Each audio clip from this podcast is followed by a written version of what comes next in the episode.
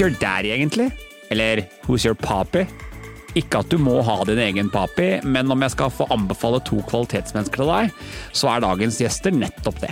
Instagram-fenomenet Plant Papis er kjæresteparet med Norges grønneste fingre, og med solid sjarm tar de med titusener av nordmenn inn i sin grønne plantejungel.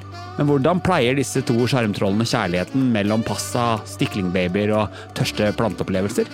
Det gleder jeg meg skikkelig til å finne ut av. God lytt!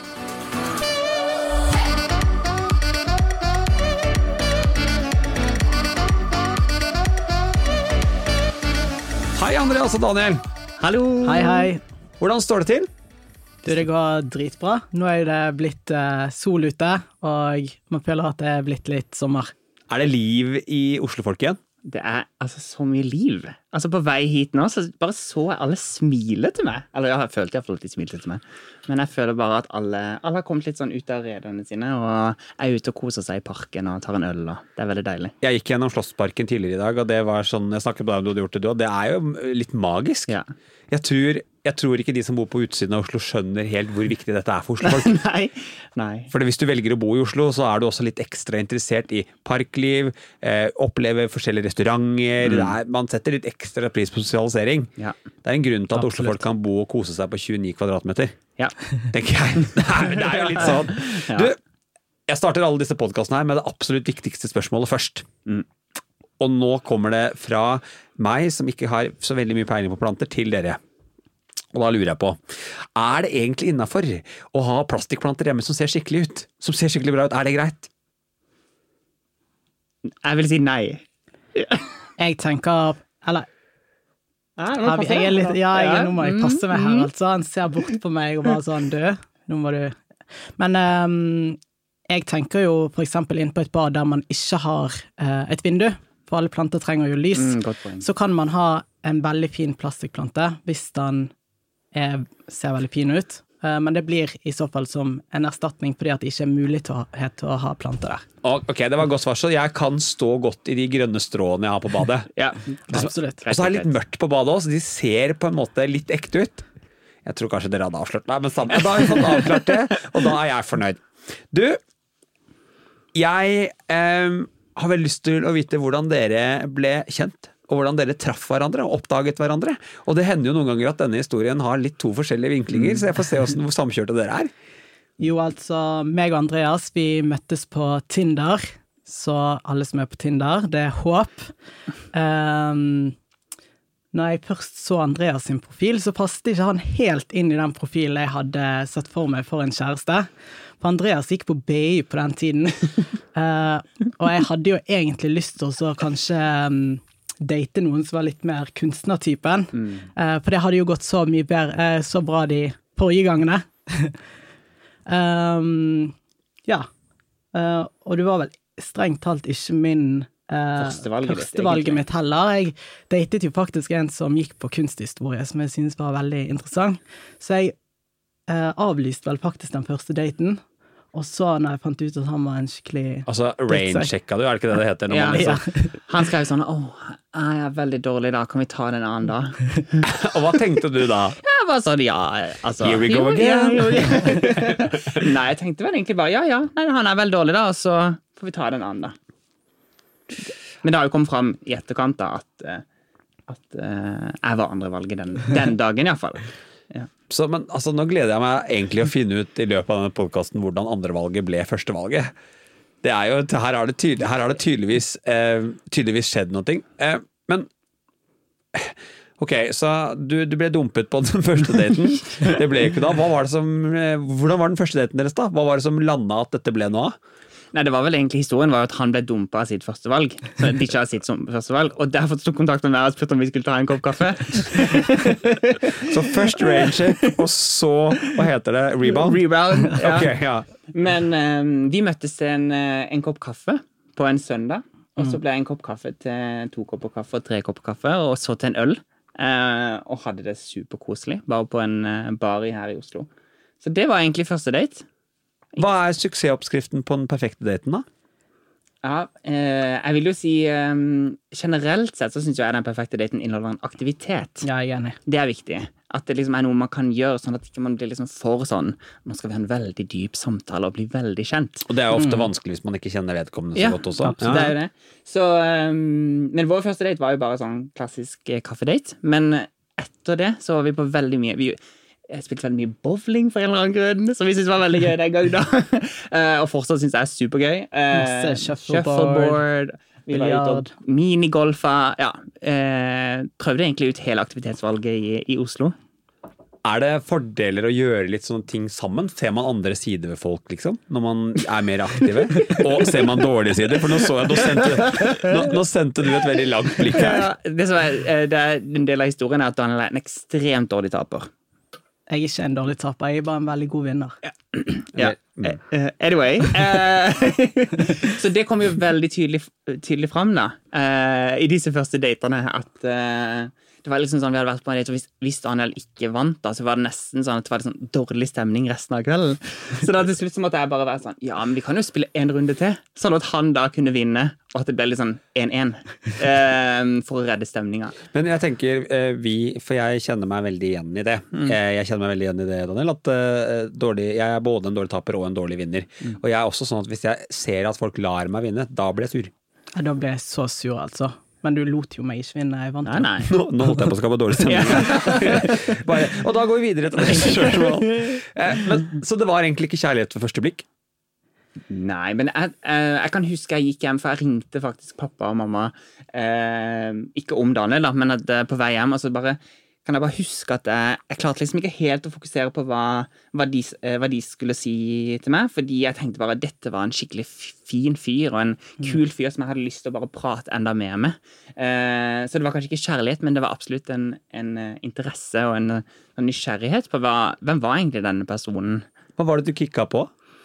Nei, han hadde bare så mange Han bare så verden på en helt annen måte enn meg. Og det, vi er jo veldig forskjellige, sånn sett. Bare hadde helt andre perspektiver, andre referanser, og bare var veldig interessert i det han holdt på med, eh, som jeg syntes var supersexy. Bare at han var super lidenskapelig opptatt av Han var kunstner, hadde jobba som kunstner på det tidspunktet, og var så lidenskapelig opptatt av det, og det syns jeg er utrolig flott. Ja, for, hvordan ser du verden på en annen måte enn eh, Andreas? Eh, Det første jeg, som, som kommer til, eh, til hodet mitt, det er jo eh, nevrotisme. At jeg er en supernevrotisk person. Andreas er jo, ser kanskje verden Eller Jeg er et veldig følelsesmenneske, da. Uh, og, og jeg tar veldig mye av de energiene som er rundt meg, innover meg. Uh, og jeg tror jo kanskje noe av det som gjorde at jeg forelsket meg i Andreas, det var at han hadde en sånn utrolig fin rohet og trygghet over seg uh, i møte med det. Så du kunne være så nevrotisk du bare ville, men det påvirket ikke Andreas så voldsomt. Ja, nettopp. Hvordan er det å være sammen med en nevrotiker, da? Nei, jeg tenker at uh, det, er, det er jo også det, det flotteste er jo at uh, den andre sida av det er jo også all den energien og entusiasmen når man ikke er nevrotisk. Uh, og, og den variasjonen i, i hans opplevelse. Og så lærer man seg jo å, å lese hvilke av disse episodene som er på en måte Nå er det krise, og andre som bare er sånn nå er du bare litt sånn angstete. Dette går helt greit. Um, så etter fem år så, så er det på en måte helt bare som normalt. Ja. For jeg lurer på hvem av dere var det liksom, Hvem er romantikeren som liksom pop the question og close the deal? Det er Daniel. Du, det var meg, faktisk. Eh, Det husker jeg veldig godt. Da hadde vi vært ute på et utested, og så sa jeg vel til deg sånn Litt sånn uh, god i gassen, så sa jeg sånn Andreas, nå har jeg slettet Tinder. Og jeg vil egentlig ikke at du skal snakke med noen andre, du heller. Sånn pretty please. Pretty please. Yeah. Så det var vel egentlig det. Ja. Det var spørsmål. Det var vel egentlig ikke et spørsmål, det var mer bare en sånn ja, ok, da gjør vi det. Mm, Og dere har nå vært sammen i Eh, Ja, nesten fem år. nesten fem år. Og dere har bodd sammen Typ nesten hele den Altså, tida. jeg flyttet vel inn etter to måneder, gjorde jeg ikke det? Jo, det gjorde jo det. Men det var jo egentlig mest fordi du òg bodde i et kollektiv der det ikke var plass til meg. Så du bare var hos meg hele tida, for jeg var veldig heldig og bodde alene da. Eh, og ja, du kom og bare spiste all maten min og sov hos meg. som var helt fantastisk. Som er alt det man egentlig trenger, Ja, jeg, det er jo det. En varm seng og mat. Det er liksom Du, åh, det der er så fint å høre på. Du, jeg Dere har jo vært sammen lenge, eh, og jeg lurer litt på For dette er sånn dette er sånn spørsmål vi aldri stiller straighte par, men som jeg har litt lyst til å stille til dere. Eh, Hvor komfortable er dere med å vise kjærlighet offentlig? Skjønner dere hva jeg mener med det? mm. Skal jeg begynne? Ja, yeah. det kan du. Jeg tenker jo at, um, Og vi har snakka om dette, og det er jo kanskje også en, en, eh, en forskjell på uh, same-sex-couple og heterofile par. At, man faktisk, at det er en samtale, et samtaleemne. Man må ha. Ja, man må ha, og man må bli enige om at ja, hva For hvis ikke så kan det jo oppleves litt sånn um, At man, den ene kan bli litt sånn såra, at man ikke ønsker det. Det stammer ikke nødvendigvis fra um, at man ikke ønsker det eller ikke er stolt over partneren sin. Men vi har jo begge hatt opplevelser der um, vi har blitt eh, hva skal jeg si, ropt på, snakka til og hatt ubehagelige opplevelser. da. Eh, Som par, eller? Som par og som enkeltindivider. Okay. Um, som har jo kanskje ført til at det har satt en litt sånn støkk i oss, begge.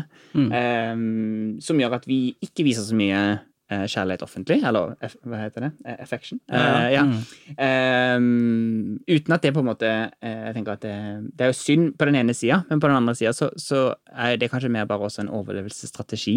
At man går inn i verden og tenker at nei, jeg har ikke så lyst til å utsette meg for den risikoen, da. Og at de situasjonene har vært ganske kjipe, og, og setter en litt sånn støkk i det. Mm. Uh, Ja, det, er, det er et kroppslig minne som eh, som man rett, Eller et traume, kanskje, som har satt seg i kroppen. Eh, og så vet jo man at de fleste ikke har noe problem med det.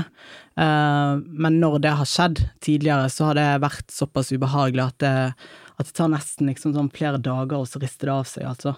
Uh, så det handler vel om at man ikke har lyst til å utsette seg for en sånn type situasjon, da. Det er type en coping-mekanisme. mm, mm. Er det Det er jo Først er det vondt å høre at dere har opplevd det, men jeg vet også at det skjer.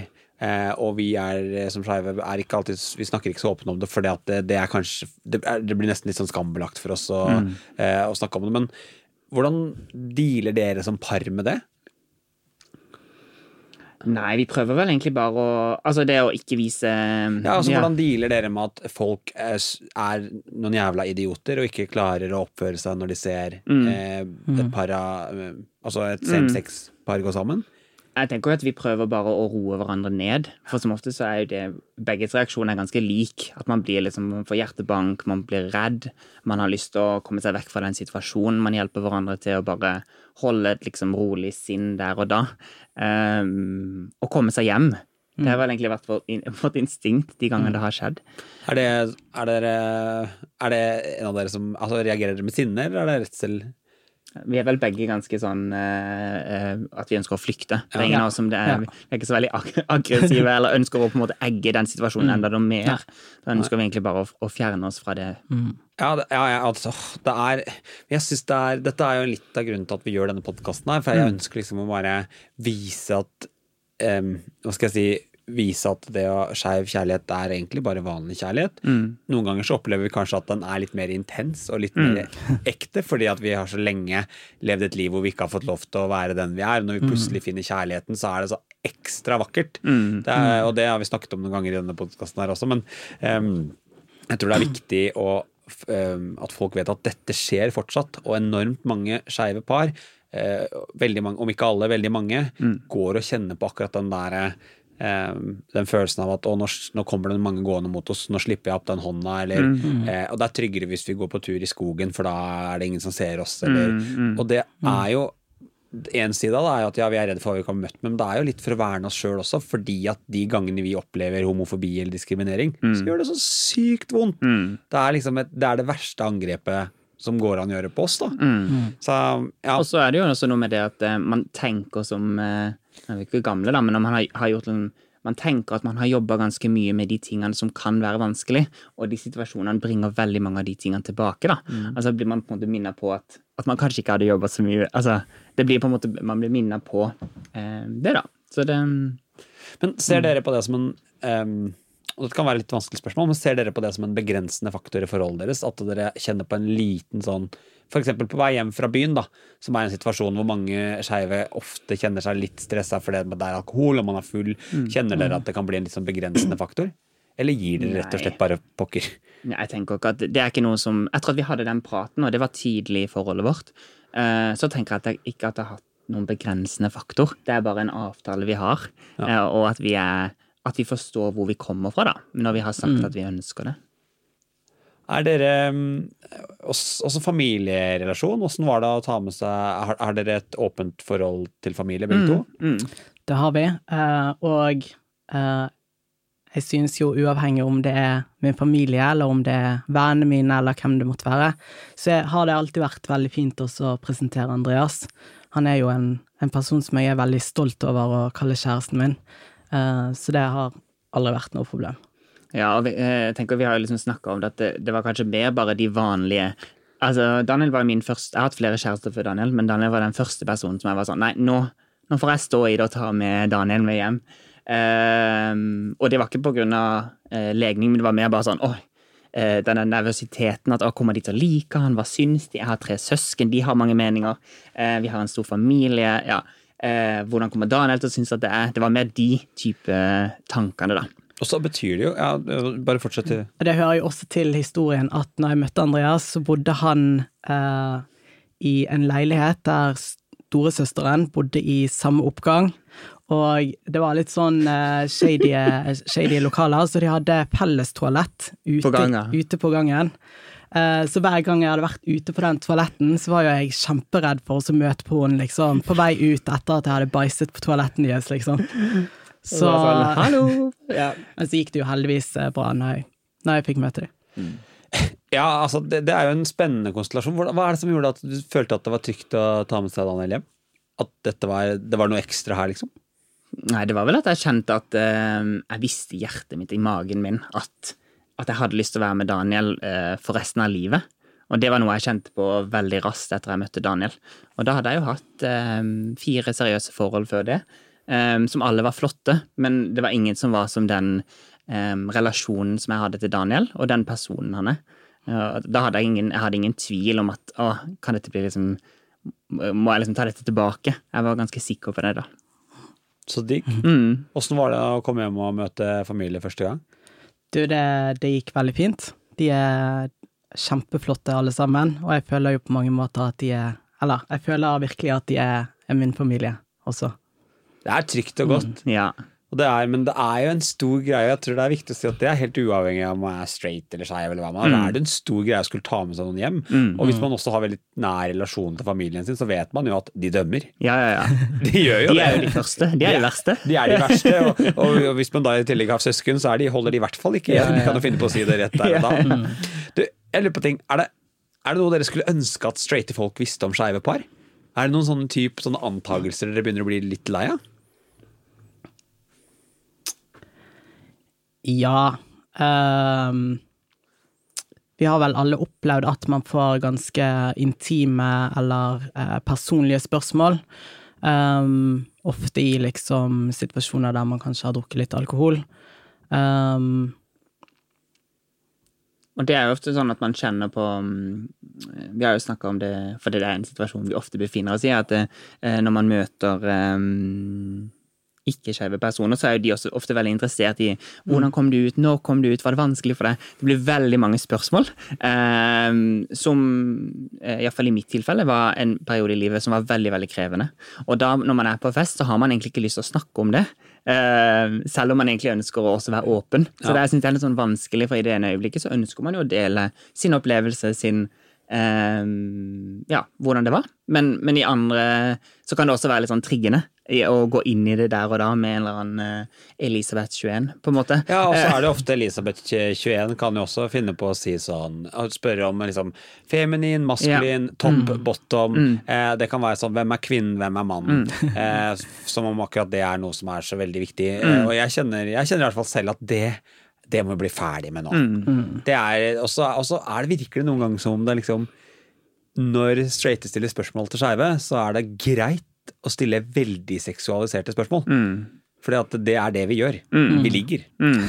Og det bare, det bare kjenner jeg på at um, det er greit hvis vi har en relasjon som tilsier at vi kan snakke om det. Mm. Uh, men utover det hold det på et nivå som du kanskje ville stilt andre folk du bare Ja. kjenner, da. Eller som at du syns, syns sjøl at det hadde vært greit at noen spurte deg om Ja. det. Um, Ja, det er veldig godt sagt. Og så føler jeg også at kanskje Men jeg føler også at vi noen ganger kanskje kjenner at vi må dele.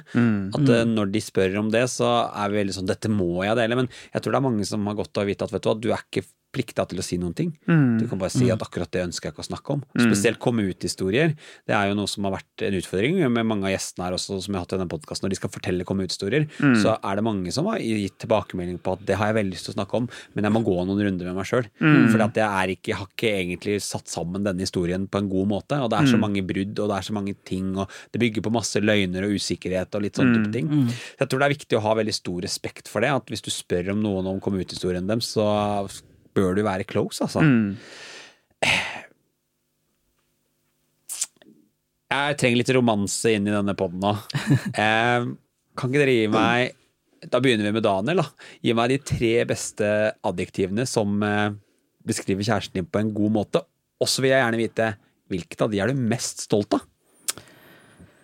Ja, altså Det er jo veldig vanskelig. Jeg synes jo virkelig ikke at tre ord er, er nok ord til å beskrive Andreas. Eh, men eh, jeg sa jo tidligere i podkasten at eh, Andreas har en trygghet, så jeg ville sagt trygg. Han har en trygghet i møte med ting som er vanskelig, og en ro som gjør at både jeg og alle rundt han på en måte klarer å, å stå i vanskelige ting, da. Så, så absolutt trygg. Um, et annet ord som jeg ville brukt for å beskrive Andreas, er stå-på-vilje. Uh, jeg kjenner virkelig ingen andre som på en måte møter ting med en sånn eh, stå-på-vilje som du gjør. Eh, enten det er i møte med nye oppgaver, om det er på jobben, om det er eh, i møte med nye relasjoner, så går du inn med hele deg sjøl. Uh, og, og gir alt. Eh, og det, det er en skikkelig fin egenskap som, som, jeg, som jeg virkelig eh, misunner deg, altså. Eh, og så absolutt eh, barnlig. Uh, Andreas har en barnlighet med seg uh, som, uh, som gjør at vi kan tøyse og tulle i hverdagen.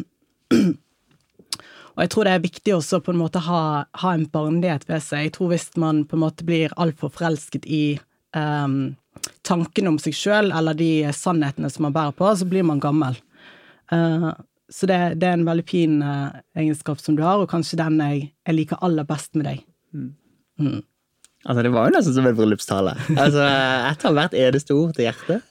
Altså, jeg syns det, det var kjempe Jeg synes det er så vakkert. Jeg elsker det når folk drar opp akkurat, akkurat det der med barnlighet, og det å kunne tulle med ting og være litt useriøst og ikke ta seg selv så innmari seriøst, det er en veldig sånn forløsende egenskap. Det, er, eh, det er veldig godt. Eh, Hva med deg? Mm, jeg vil si at uh, Daniel, han er uh, raus. Og Daniel er også ekstremt morsom. Altså, det var jo sånn en av de uh, første tingene som jeg var elska med Daniel. Han har masse forskjellige karakterer som han drar fram når jeg er skikkelig lei meg. Han har show for meg hele tida. Det er bare mm, Det er bare som en fest, og at du, du elsker bare å ha det gøy. Og det er skikkelig bra for meg. Um, og så er du ekstremt hardtarbeidende. Du, du vil på en måte Når du vil noe, så, så hopper du inn i det, og du Um, du liksom fikserer på denne ene tingen som du bare skal lære om, skal få til, som er skikkelig fint. Og, og kanskje det som jeg er mest stolt over, det er at du er så utrolig raus. Du er raus med tida di, du er raus med pengene dine til alle vennene dine, inkludert meg sjøl. Du er eh, ekstremt raus med, med hjertet ditt. Men Du er den første personen som stiller et godt spørsmål, som lytter, og eh, om det er en jente på byen på doen, eller om det er vennene våre eller meg, det liksom spiller ingen rolle. Det er plass til alle de, og du vil høre livshistorien de sin. For Daniel er den typen som kan bli stående på do en halvtime bare for å snakke med noen. Ja, ja, ja. Ja, Og ja. en halvtime. All, hver gang vi er ute, så bare alle bare 'Hvor er Daniel?' Jeg bare På know. På do. Eller jeg- ute. Ute og røykerom. Jeg er eh, ute og røyker. Hvis du, eh, hvis du hører jenten din på doen, du er altfor bra for han. Å, Ja. å, er det sånn det er, ja? Å, du er altfor bra for han. Da vet, du hvor, da vet du hvor man finner deg. Hvilke andre ting? Nei, jeg tenker det er de tre. Raus, hardtarbeidende og morsom. Og favoritten din er. Raus. Ja, det er fint, altså. Du, nå sa dere jo, jeg hadde tenkt å spørre om det, men dere er jo gift. Mm. Yes. Hvor lenge siden er det det ble signet?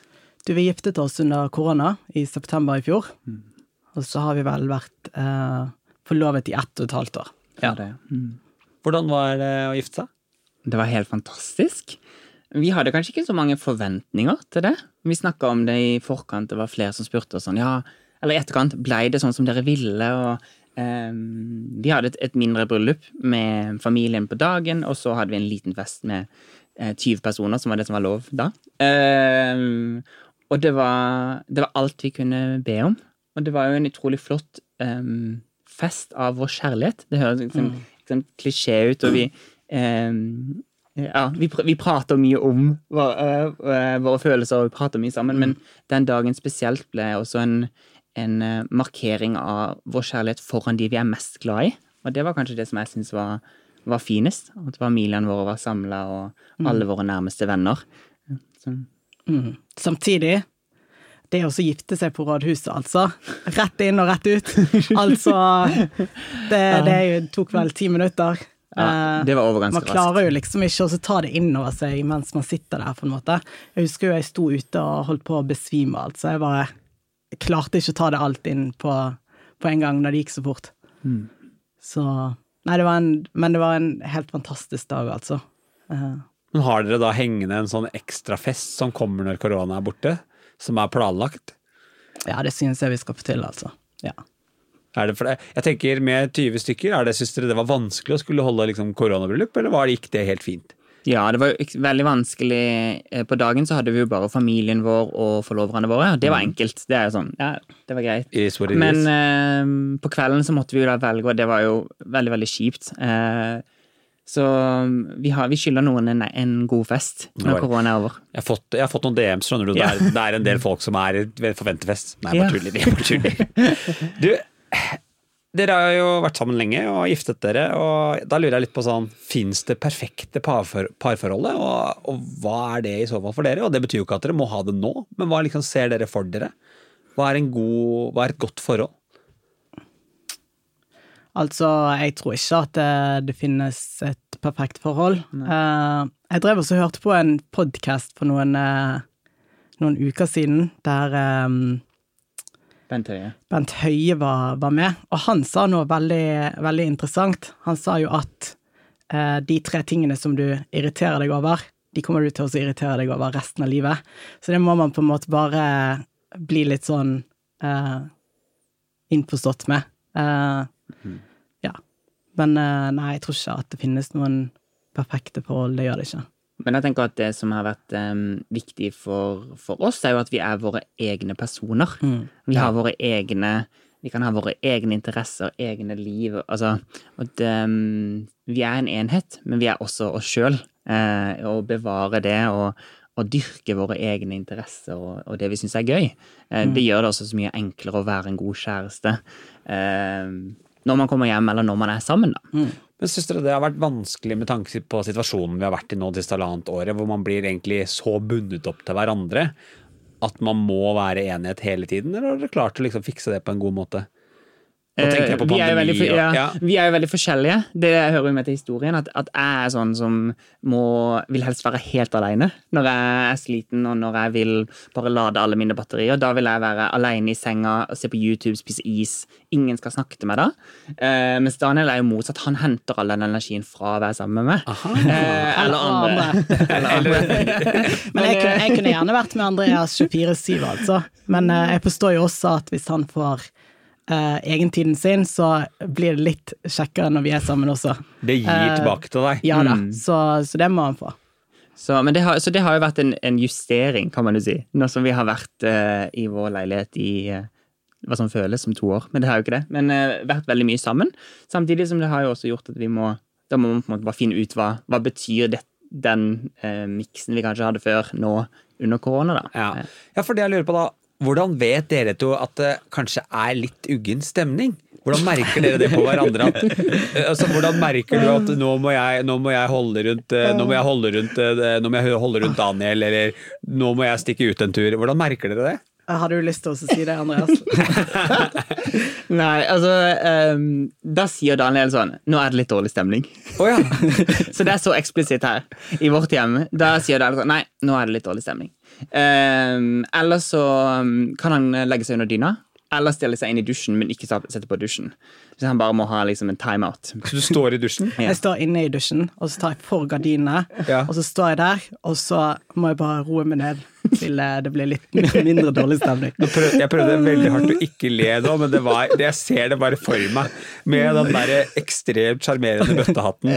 Ser, er, er det med klær? Det lurer jeg da på. Ja, det er med, det er med klær. Ja, Ja, ja. Fullt påkledd. Ja, Så du har litt sånn uh, the naughty step i dusjen, du da? Liksom, nå må du gå og Ja. ta din egen tid? Yes. Men så sier jeg bare nei, det er det ikke.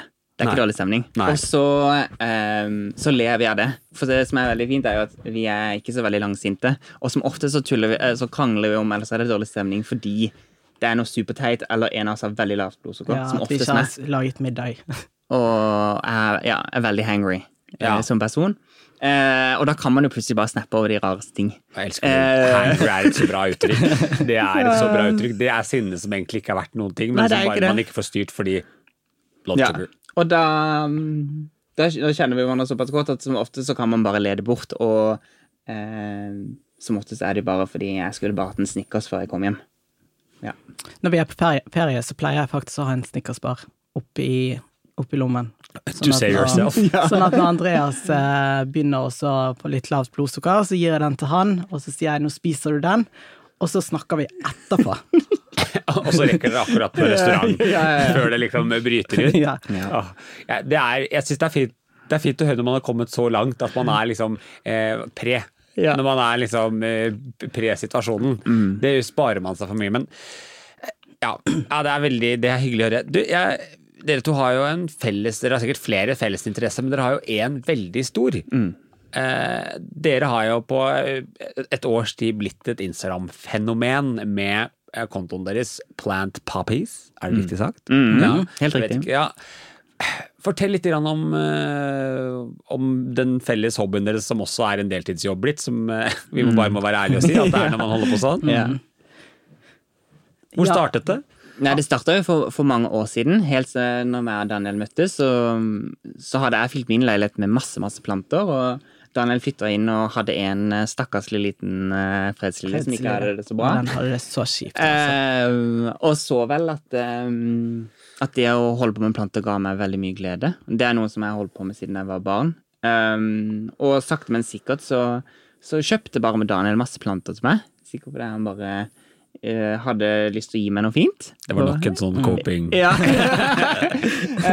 um, og så tror jeg jo over tid at um, det ble en felles interesse, fordi du så også hvor mye, hvor mye, gøy, hvor mye gøy jeg hadde med det. da.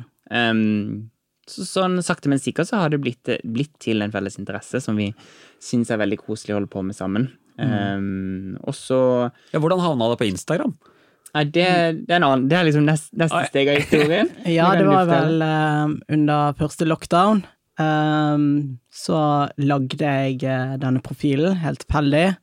Uh, jeg tror ikke vi lå noe ut den første måneden. Uh, så fant vi ut at det var et skikkelig stort og fint plantemiljø på Instagram som vi ble veldig inspirert av, og tenkte kanskje vi også skal legge ut noen bilder. Mm. Eh, og så ble det på en måte vår hobby i korona, da. eh, denne Instagrammen. Uh, Istedenfor å lære seg å bake surdeig, eller ja, Som alle andre gjør det. som alle andre gjør. Ja, jeg, får- jeg tror kanskje pandemi har hentet fram en del kreative sjeler, og hentet fram det kreative i folk som kanskje ikke nødvendigvis tror de er så kreative heller. Det er, men hvor tidlig tok dere liksom valg om at Eller når skjønte dere at jøss, det er faktisk et publikum utover våre nærmeste som har lyst til å se det?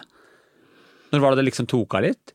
Nei, det var vel uh, innen liksom måned to at vi uh, var sånn Shit, det er flere tusen mennesker som følger oss. Jeg kan huske det når vi liksom fikk tusen følgere. Da vet du at det ikke er liksom mamma, pappa og tante Berit.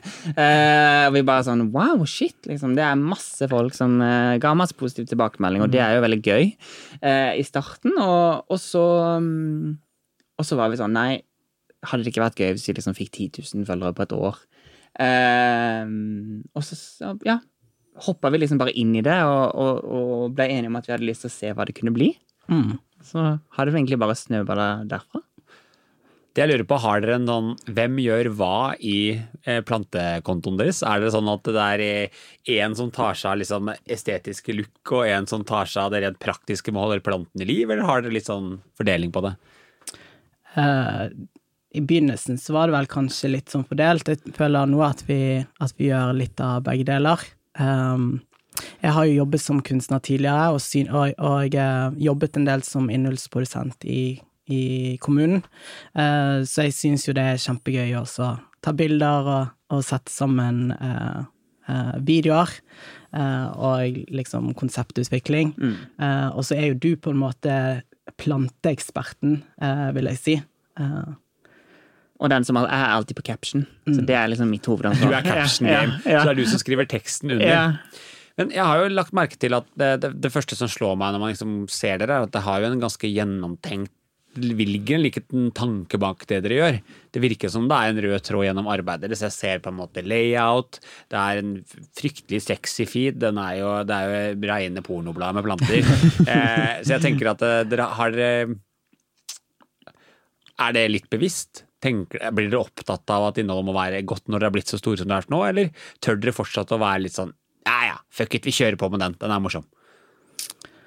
Jeg vil jo si at vi, Det er kanskje i våre personligheter òg, at vi er litt sånn Skal vi gjøre noe, så skal vi gjøre det 100% og gjøre det så godt vi kan. Eh, og der er jo kanskje Daniel enda streng, litt sånn streng. At nei, nå, dette var ikke godt nok. Dette kan vi ikke poste. Uh, så det har nok blitt mer det over tid, ja. At uh, nei, nå dette var ikke godt nok. Nå må vi liksom tilbake igjen og, og prøve på nytt. Hvis ikke det ble akkurat sånn som vi tenkte, da. Samtidig som at vi har jo snakket veldig mye om ikke bare hvordan eh, Eller hvilken type estetikk vi liker, på en måte, men vi har jo snakket veldig mye om hva, hva vi ønsker at folk skal eh, kjenne på eller føle når Sitte de igjen med, ja. ja, Mm. sitte igjen med når de har sett innholdet vårt. Eh, så det har vi snakket eh, ganske mye om. At, eh, at det skal være planteglede, og at det skal være uh, tilgjengelig. At, at, at man Alle kan jo være med. Det liksom, Vi håper at alle, alle andre kan føle at de òg kan holde på med planter. Jeg tror det er veldig mye av grunnen til at vi har vokst så mye også. At folk uh, ser at uh, man kan ha kjempemasse planter i en kjempeliten leilighet. Man kan potte de om på gulvet, og ja Planteglede. Ja, altså, jeg kan jo si fra, sånn, fra et følgerperspektiv så, eh, så er jo jeg syns dere klarer å balansere utrolig godt det med å se veldig profesjonelle ut, men samtidig lage innhold som jeg opplever som personlig. Eh, jeg tenkte det bare nå rett før jeg gikk inn i studioet, så tror jeg dere hadde slengt ut en reel. Eh, altså en, ja, en, en filmsnutt som jeg bare tenkte Og det ga meg skikkelig sånn good feels. Og jeg ser ofte når dere velger musikk og litt film og energi, så er dere veldig opptatt av god stemning, i hvert fall. Det opplever jeg veldig godt. Ja. God stemning. Ja, men det er alltid sånn når jeg Ja. ser noe fra dere, så blir jeg sånn åh, nå ble jeg litt varm om hjertet. Ja, tusen takk. Ja, og det, synes jeg, og det føler jeg kanskje er en suksessoppskrift. og Jeg tror det blir viktigere og viktigere enn noen gang nå, fordi at sosiale medier begynner å bli en veldig kynisk kanal for, for mange, og det er veldig mange som på en måte fokuserer mer på hvor høyt de kan le til banken, kontra hvor godt innholdet er. Og jeg bare syns at dere er et veldig frisk pust, så det skal dere ha litt får dere kjærlighet fra her i studio i dag. Tusen takk. Det var veldig fint sagt. Jeg lurer på er dere sånne som planlegger for fremtiden, eller er dere de som lever livet akkurat her og nå? Og her er det viktig å si at det er ingen fasit, for folk er forskjellige. Ja, vi er jo igjen veldig forskjellige her. Jeg er jo en planlegger, så um, Jeg tror vi balanserer hverandre Ja. ganske bra der, egentlig. Men vi er en av de første tingene som Eller ikke første, men vi ble jo veldig, som sagt, veldig fort eh, litt sånn Fikk iallfall begge følelsen av at vi skulle gifte oss, at vi skulle være sammen. Um, og at vi Det kom veldig fort opp at vi begge gikk med en drøm om å få et barn. Eller starte en familie. Um, og det krever for oss litt planlegging. Eh, Mye planlegging. Ja. um, så det er kanskje det vi har, det vi har planlagt mest for framtida.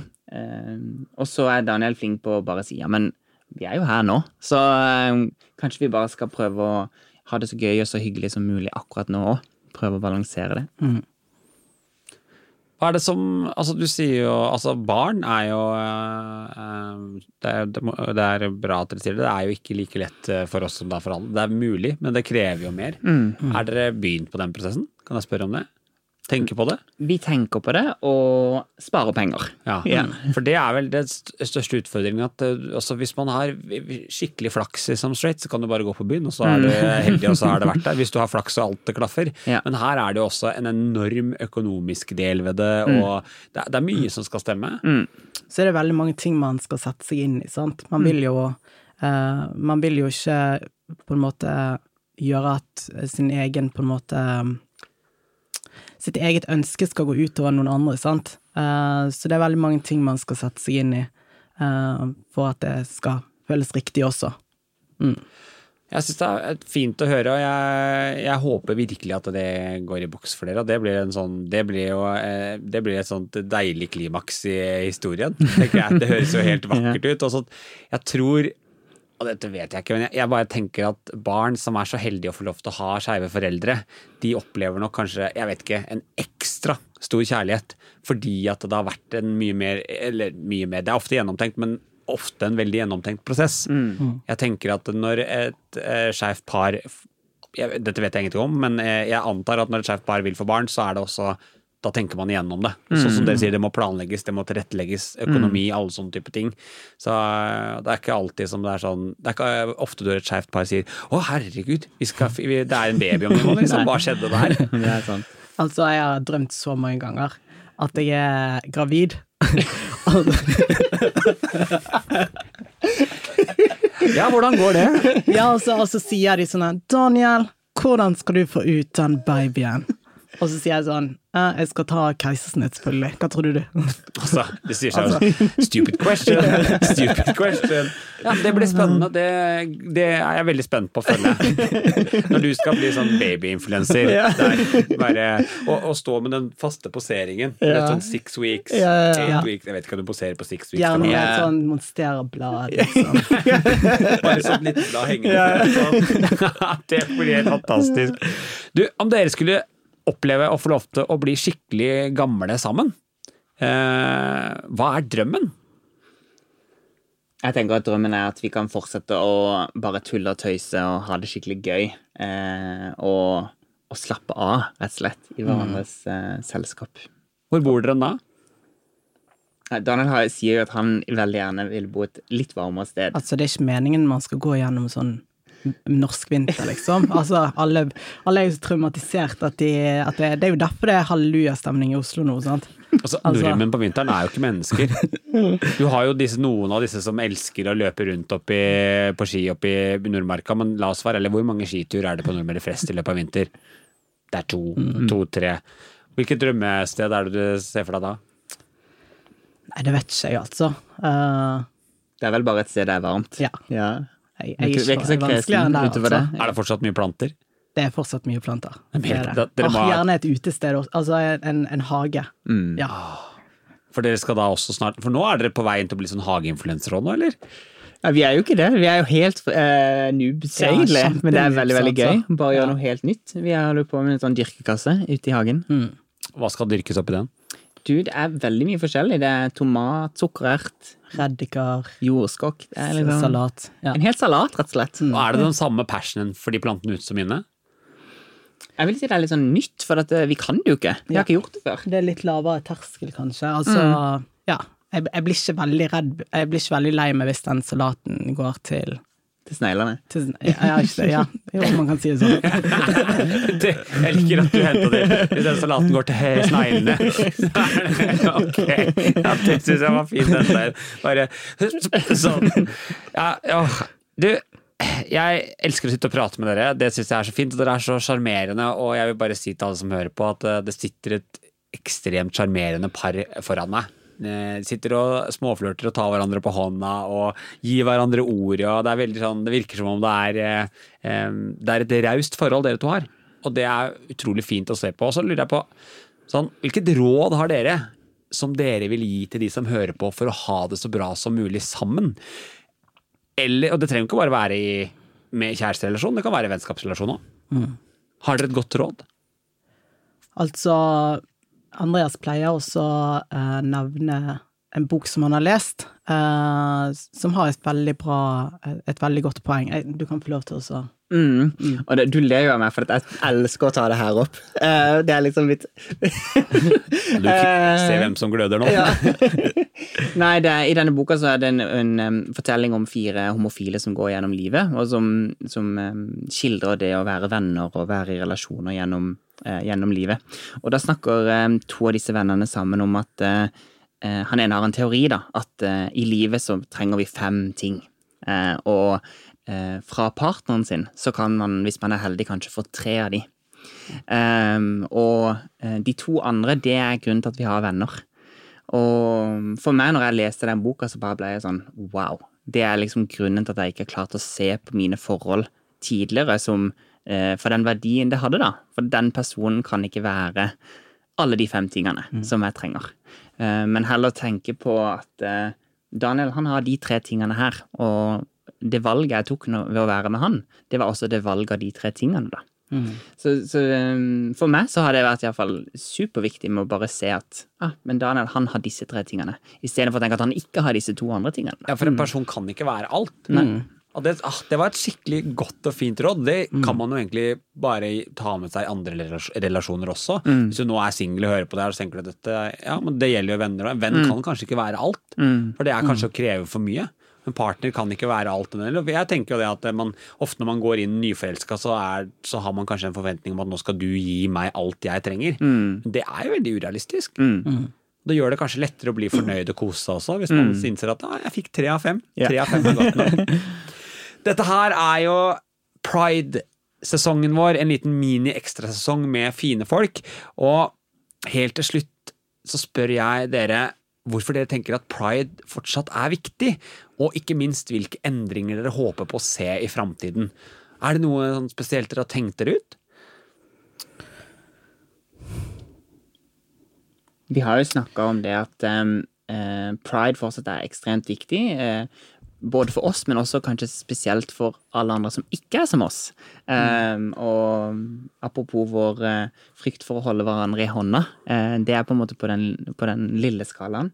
Samtidig som vi også håper at um, pride fortsatt er en uh, protest for de um, som rettigheter kanskje ikke har kommet så langt som for homofile menn. da.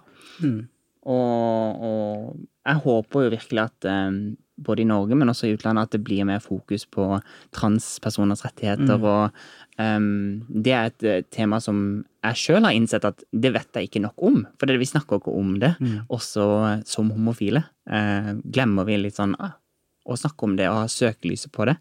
Så det håper jeg at em, Og det er jo fordi at som homofile menn så er vi jo så inn i snegla, som det heter, eh, privilegerte nå. Eh, Kjempe. Ja, og spesielt i Norge. Vi er på en måte så langt vi er så langt fremme i skoen der at vi kjenner kanskje ikke på akkurat de samme tingene som andre kjenner på. Jeg, jeg er veldig glad for at dere nevner transpersoner. transpersoner, eh, fordi at eh, det er kanskje der vi bør sette inn støtet nå. Det er mange ting som skal settes inn støtet på, men i den skeive bevegelsen så må vi på en måte vi må ta med oss eh, brødrene og søstrene våre derfra. Eh, og, og løfte frem. Jeg syns det er skikkelig fint at dere nevner det, altså. Um, nå er vi ferdig. Det går så fort i studio. Vi sitter og koser oss. Og jeg egentlig bare avslutter med å si tusen hjertelig takk for at dere ville komme her og snakke om kjærlighet og alle de fine tingene, og ikke minst prate litt om pranter. Tusen takk for at vi fikk komme. Tusen, tusen takk for at vi fikk komme. Takk for at du hører på podkasten Ut av skapet. Det betyr mye for mange. Informasjon om dagens gjest finner du i episodebeskrivelsen. Sjekk alltid ut fine folk på sosiale medier. Denne podkasten er helt avhengig av deg, så er du glad i Ut av skapet, del om du lytter, og rate oss gjerne der du kan rate podkast. Jeg gleder meg skikkelig til nye skeive historier neste uke. Vi høres!